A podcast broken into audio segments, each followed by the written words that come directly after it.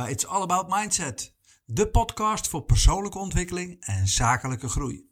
Met iedere keer een nieuwe gast, maar altijd dezelfde vragen.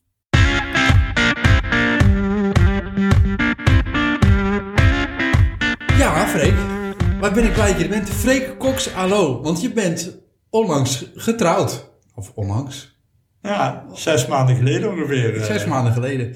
hey Freek, wij kennen elkaar al echt een hele lange tijd. We gaan heel lang mee. En ik ben super blij dat jij eh, mijn gast wilt zijn in deze podcast. En eh, nou ja, je, weet de bedoeling van deze podcast is om eh, mensen te inspireren. mensen na te laten denken over wat er nog meer mogelijk is in hun leven. Maar voordat ik al die vragen aan jou ga stellen, wil ik graag eerst weten: wie ben je? Wat doe je? En misschien wel de allerbelangrijkste vraag: waarom doe je wat je doet, Freek? Nou, ik ben inderdaad Freek Cox Allo. Eh, ik ben een 49-jarige in Utrecht woonachtige Limburger. Eh, ik eh, ben eh, op dit moment nog account executive, eh, dus account manager eh, bij Teradata Software. Ik ga mijn rol veranderen bij 1 maart, waarover later meer. Ja, gefeliciteerd. Dankjewel. en eh, ja, wat doe ik nog meer? Eh, ik ben vrijwilliger bij een drietal caritatieve instanties. Ik ben vrijwilliger voor een politieke partij. Ik ben wereldwijd badminton scheidsrechter. Ik doe een hele hoop. En waarom doe ik wat ik doe? Eh, ik heb zelf niet zo'n leuke jeugd gehad, zoals jij eh, weet. Dat is een understatement. Geen leuke jeugd gehad. En ik weet dus als geen ander wat het is om door omstandigheden de controle over je leven kwijt te raken. En eh, het licht aan de tunnel tijdelijk, aan het einde van de tunnel tijdelijk niet te kunnen zien. En ik wil dus graag zoveel mogelijk mensen die in die situatie zitten helpen om dat licht weer te kunnen zien. En eh, een, een weg eruit te vinden. Dus eh, daarom doe ik wat ik doe. Oké. Hey, dat is echt in een, in een vogelvlucht. Eh, Zou je iets meer kunnen vertellen over, want er zit natuurlijk, want ik ken jou wat langer, er zit een enorme diepe driver achter. Hè? Wat jij hebt meegemaakt, dat, dat wil, dat wil, zou Dat je, gun je niemand. dat gun je niemand. Zou je in een kort wat woorden eraan kunnen besteden, zodat mensen, het luisteraars, begrijpen wat het is? Ja, eh, nou ja, ik ben geboren met een eh, motorische aandoening. En daardoor werd ik op de basisschool enorm gepest. Want ik heb het ook. eh, eh, ik geloof altijd dat er dingen in balans zijn in het leven. Mijn lichaam werkte niet goed mee. Mijn hersenen die draaiden overuren. Dus ik had een IQ van 149. Maar een lichaam eh, van een slappeling. Nou ja, dan ben je de lieveling van de leraren. En daarmee automatisch eh, de kop van jut van de leerlingen. Yep. Eh, en daardoor eh, werd ik wel behoorlijk depressief. Omdat ik eh, gepest werd, in elkaar geslagen werd, eh, dagdagelijks. En ja, daar ben ik uiteindelijk uitgekomen. Eh, deze podcast moet 20 tot 25 minuten duren. Het duurt te lang om dat helemaal uit te gaan wijden. Maar in ieder geval, dat heeft voor mij wel... eh, ik heb jou, eh, je hebt me ooit geïnterviewd voor een boek en heb ik ook gezegd... uit humus groeien de mooiste planten. Ja. Dus die narigheid heeft bij mij voor een hele sterke fundering gezorgd.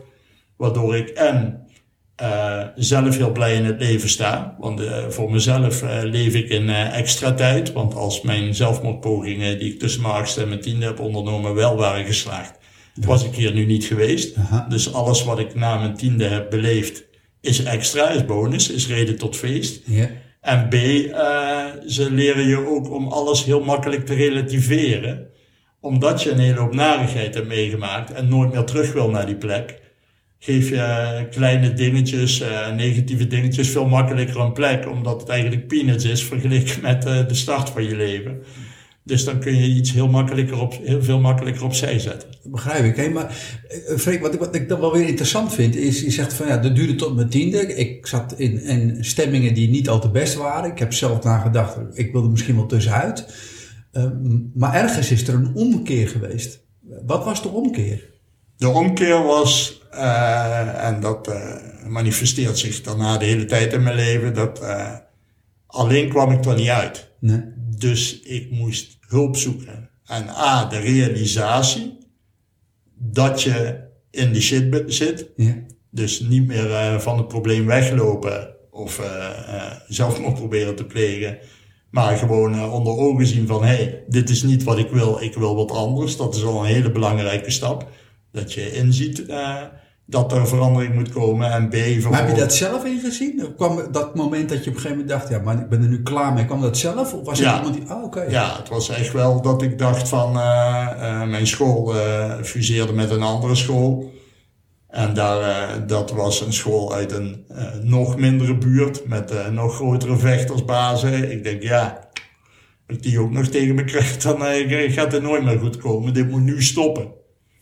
En eh, ben je je dan kwetsbaar genoeg opstellen dat je de hulpvraag durft te stellen? Dat heeft mij uiteindelijk gered. Oké. Want ik heb die hulpvraag gesteld en ik heb hulp gekregen. En, eh, ja, en vanaf toen is de zon weer gaan schijnen in mijn leven.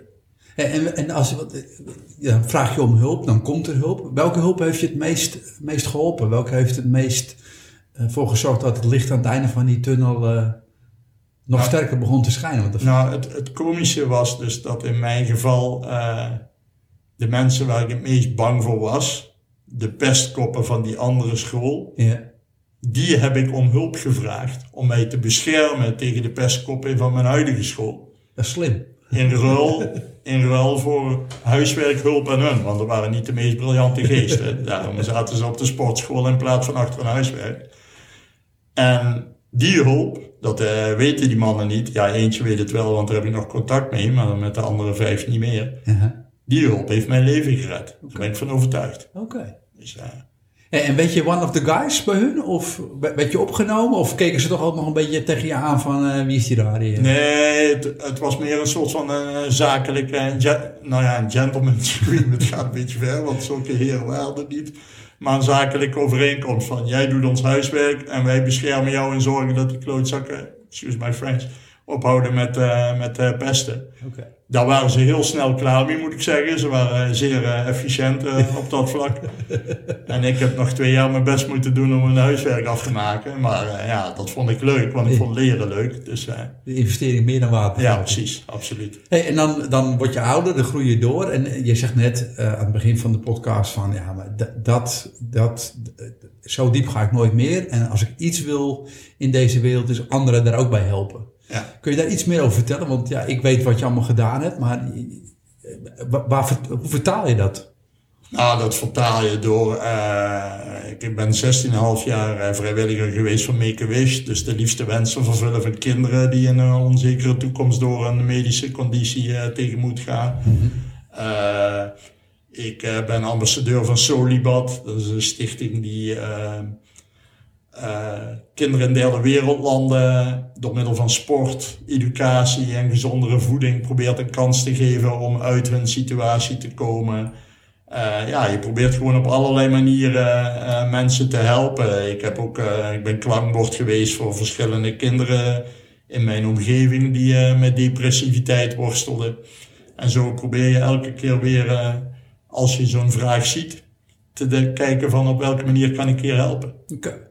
En dan weet ik ook dat je op de zaterdagen bij de kringloopwinkel eh, staat. Eh, Of, daar vind ik altijd bijzonder. Wat is daar de reden van?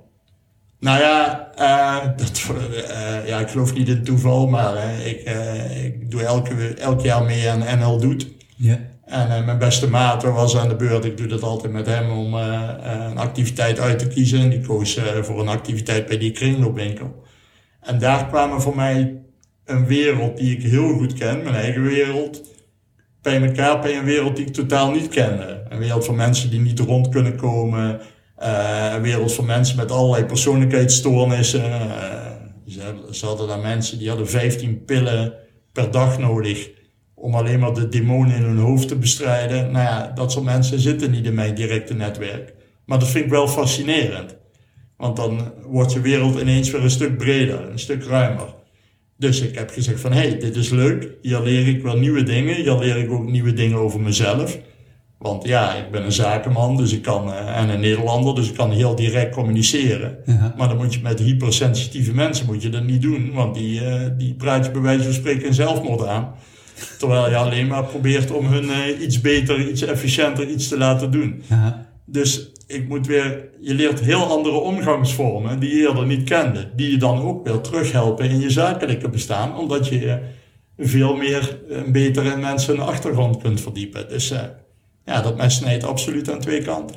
En, en, en dat doe je nog steeds elke zaterdag, ondanks je enorm drukke baan, eh, ondanks je carrière. Elke zaterdag dat ik in het land ben en eh, ja, eh, dat enigszins kan. Het zijn er, eens- ik denk dat het op jaarbasis 30 tot 35 zaterdagen eh, per jaar zijn. Ja, dat ik daar eh, sta. Ja. En, en net zei je ook eventjes eh, tussen de regels door, ja, ik ben ook nog internationaal badminton scheidsrechter. En, nou, dat weet ik, want ik zie altijd hele mooie plaatjes voorbij komen dat je ergens op een hoge stoel in een prachtig mooi land in de sporthal aan het...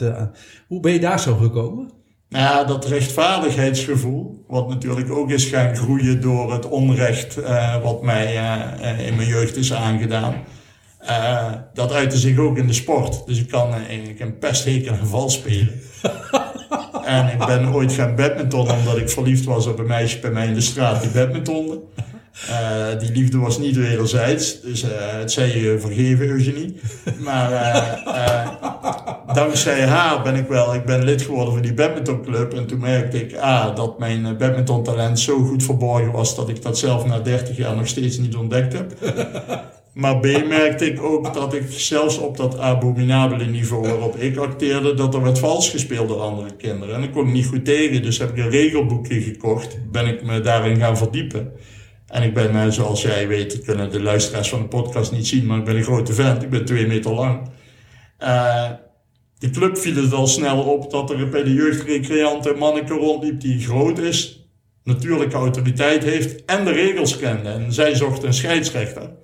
Dus hebben ze mij gevraagd of ik scheidsrechter wilde worden. Daar had ik eigenlijk weinig zin in, maar ik wilde de club wel helpen. Dus ik heb gezegd, dat doe ik. De vijf jaar dat ik studeer aan de universiteit en daarna ben ik pleiten. Maar ja, binnen drie jaar zat ik op te spelen en toen dacht ik van, hé, hey, dit is toch wel heel erg leuk. en eh, ja, dat is nu 30 jaar geleden en ik doe het nog steeds. Dus, Ja. eh, En, en, want je reist echt de hele wereld af, hè? Je- ja, ik ben in 71 landen geweest inmiddels. Ja. Oké. En eh, ja, je- we zaten net even voor te kletsen, maar ik en vertelde ik dat ik na- naar Maleisië op vakantie was geweest. Dus ja, ja, daar kan ik niet over straat zonder bewakers. Want ik ben daar gewoon een, een beroemde persoonlijkheid. Ja, en nu moet ik er wel bij zeggen, eh, het is niet zo dat ik eh grootheidswaanzin of zo Nee heb. joh. Eh, in Azië, in de cultuur van de meeste landen in Azië, is respect voor het uniform en respect voor autoriteit wordt er met de paplepel ingegoten. Ja. Dus die kijken heel anders tegen scheidsrechters aan Ja. dan wij in Nederland. Ehm, en daarom, en omdat in eh, landen als Maleisië en Indonesië eh, badminton eh, by far sport nummer 1 is, ja, word je daar gezien als wauw, dat is een man van autoriteit in onze meest favoriete sport. Ja. Die kerel is belangrijk. Ja. Dus dan kun je inderdaad meemaken, wat we net in het vorige gesprek besproken, dat een purser van Malaysia Air zegt, meneer Cox, kunt u business class komen zitten en mag ik met u op de foto? En vervolgens komen de piloot en de navigator en het hele personeel wil met je op de foto en willen een handtekening. Terwijl eh, hier bij de Jumbo echt geen hond eh, zou vragen van, hé, je mag een handtekening, maar jij bent een bekende, ne- eh, bekende badmintonner. In Nederland zijn wij sport nummer 60. Ja. In Maleisië zijn we sport nummer 1. Ah. En dat vind ik prima, want dat is heel ver weg. Dus Ja. dan kan ik af en toe Tom Cruise uithangen. en zodra we weer terug zijn in Nederland, ben ik wel lekker anoniem. Goed man, goed, goed verhaal dit. Ja, ik vind het altijd super. Ik kan altijd uren naar je luisteren. Hey, ehm, ik heb natuurlijk ook gevraagd, eh, want dat is de doelstelling van deze podcast. eh, eh, het- en altijd diezelfde drie vragen. Waar heb je over verwonderd? Eh, tot welk groot inzicht heeft dat bij jou geleid? En tot welke actie eh, zou dat bij jou eh, moeten aanzetten? En ja, die vraag heb ik aan je. Waar, waar heb jij de afgelopen tijd over verwonderd? Nou, waar ik me over verwonderd heb, ik, ik ga dus van rol veranderen per 1 maart. Ik word Sales Analytics Specialist, zoals dat heet. Dat is een behoorlijke, behoorlijke titel. Ja, een behoorlijke titel. Bij Wordvoid zou je daar heel vrolijk van worden. Ehm, dat houdt in dat ik eh, eh, data science eh, materiaal ga verkopen bij, bij de klanten. Dus echt nitty-gritty software die eh, data wetenschappers en data analisten kan helpen met machine learning en met AI toepassingen. Eh, wat mij verwonderd heeft is hoe elk detail belangrijk kan zijn. Je doet iets in je leven waar je totaal niet bij nadenkt. Mhm. En dat leidt dan tot zo'n groot gevolg. Want uh, ik ga uh, nu wel kijken naar jouw uh, gezicht, wat ge geheten in verbazing gaat ontstijgen. Maar ik heb deze baan te danken aan de invasie van Rusland in Oekraïne. En ik zie nu inderdaad een grote vraagteken. Die moet je toelichten. Maar dat, dat heeft mij enorm verwonderd en geïnspireerd. Uh, Rusland viel de Oekraïne binnen. Uh, ik werk voor een global uh, company. Ja. wij deden ook veel zaken in Rusland. En het is een Amerikaans bedrijf. Nou, die zijn rigoureus. Wacht even. Rusland is de boeman. Dus wij doen geen zaken meer met Rusland. -huh. Dus ook ons Russisch kantoor moet dicht, waar 120 mensen werken. -huh. En die mensen staan op straat. Op een paar slimme lui na. Want die houden we graag binnen het bedrijf, maar die mogen dan niet meer in Rusland wonen en niet meer in Rusland werken, want wij mogen geen Russen betalen. Dus die gaan we elders proberen onder te brengen. Nou, er zijn ook een paar van die collega's zijn uh, voor ons in Nederland gaan werken. Ja. En ik heb zelf voor een ander Amerikaans bedrijf in het buitenland gewerkt. En daar heb ik van geleerd, uh, je moet goede connecties hebben met de lokale bevolking om beter te aarden. Dat heb ik zelf toen namelijk niet gedaan. Nee. Mijn meeste contacten in Ierland zat ik toen, was met buitenlandse collega's. En daar ben ik nu nog steeds mee bevriend. Maar veel mensen in Ierland ken ik niet, terwijl ik daar twee jaar gewoond heb. Want ik heb me daar gedragen als gast, opgesteld als gast. En ik was ook na twee jaar wel weg. Ik dacht, daar kan ik van leren. Die Russen die hierin komen, moeten zich wel thuis voelen. Ja. Dus daar kan ik bij helpen. Ja. Dus ik heb ze geholpen met verhuizen, met het zoeken van een appartement, eh, met de, hoe werkt het met belastingen en verzekeringen in Nederland. Ik heb die lui een beetje opgevangen. Nou, een van die mensen is data scientist bij ons binnen het bedrijf. Ja. Daar komt ook bij dat ik ook al uh, in mijn huidige rol als account exec uh, data science oplossingen verkocht heb bij twee klanten. En die klanten zijn er heel blij mee, die zijn referent geworden. Maar die techneut hoorde dus op hoofdkantoor dat er een nieuwe rol aan ging komen. Data science sales, sales Ja. analytics specialist. En op basis van A, het feit dat ik het al verkocht had. B, het feit dat hij mij een hartstikke aardige gast vond. Want ik had hem natuurlijk geholpen om te settelen in Nederland. Heeft hij mij voorinformatie gegeven. Freek, deze rol komt eraan. En ik denk dat jij daar een geschikte peer voor bent. Dus zou je daar niet op willen solliciteren? En hij is ook met de Freek Cox vlag, eh, door Teradata gaan rennen. Van hé, hey, die Freek Cox Allo, die snapt dit. Die zou dit moeten gaan doen. Nou, lang verhaal kort. 1 maart uh, ik het. Mede dankzij zijn hulp. Terwijl toen hij naar Nederland kwam, ben ik hem niet gaan helpen met het idee van over zes maanden creëert mijn uh, bedrijf een nieuwe rol. En daar heeft hij invloed op. En, en, tot welk inzicht leidt het dan? Want ik kan me ook voorstellen dat toen dat, toen dat gebeurde, de, Rusland viel Oekraïne binnen. Uh, daar kunnen deze mensen natuurlijk niks aan doen, want ik denk dat er een heel ander. Uh, maar, maar die komen dan hier in, in, Nederland wonen. Ik kan me ook voorstellen dat je moet ook oppassen dat je niet gaat generaliseren en dat je die Russen allemaal op één. Maar je heb je daar zelf toch overheen gezet, of niet? Ja, en dat is juist inderdaad uh, ook weer, denk ik, door de achtergrond dat ik weet dat Ja. je slachtoffer kunt zijn van omstandigheden. Ja, En dat dat niet je eigen keuze hoeft te zijn. En daar kwam ik bij deze Russen al uh, snel achter. Want als je met hun over Poetin praat, dan krijg je een nog veel harder oordeel dan de Nederlandse media heeft. oké. Okay. Dus juist door uh, onbevoorrecht het gesprek aan te gaan, kom je erachter dat, het, uh, dat er een veel genuanceerder beeld uh, over de mensen uit dat land nodig is en mogelijk is. En inderdaad, het inzicht wat ik heb gekregen is juist mijn oog voor detail, wat ik altijd heb gehad. Dat blijkt maar weer, want inderdaad, die vraag die jij mij stelde, die hebben mij veel meer mensen gesteld. Van hé, hey, maar Ja. waarom help je die lui? Ja, is toch jouw taak niet? Je werkt niet voor HR. Ik zeg nee, maar ik weet wat het is om in hun schuitje te zitten. En ik ben daar toen zelf niet zo slim mee omgegaan.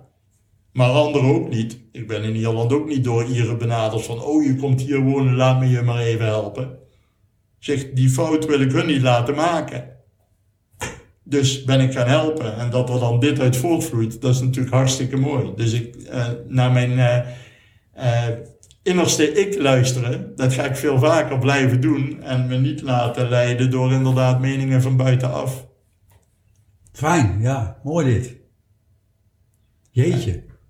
Ja, ik vind het, ik vind het uh, dat is zoals ik heb leren kennen. Dus zolang ik je ken is het altijd uh, vanuit uh, een soort oordeelloosheid de wereld betreden. En ja, ik zei net ook al in het voorgesprek, het levert je ook altijd weer hele bijzondere situaties op.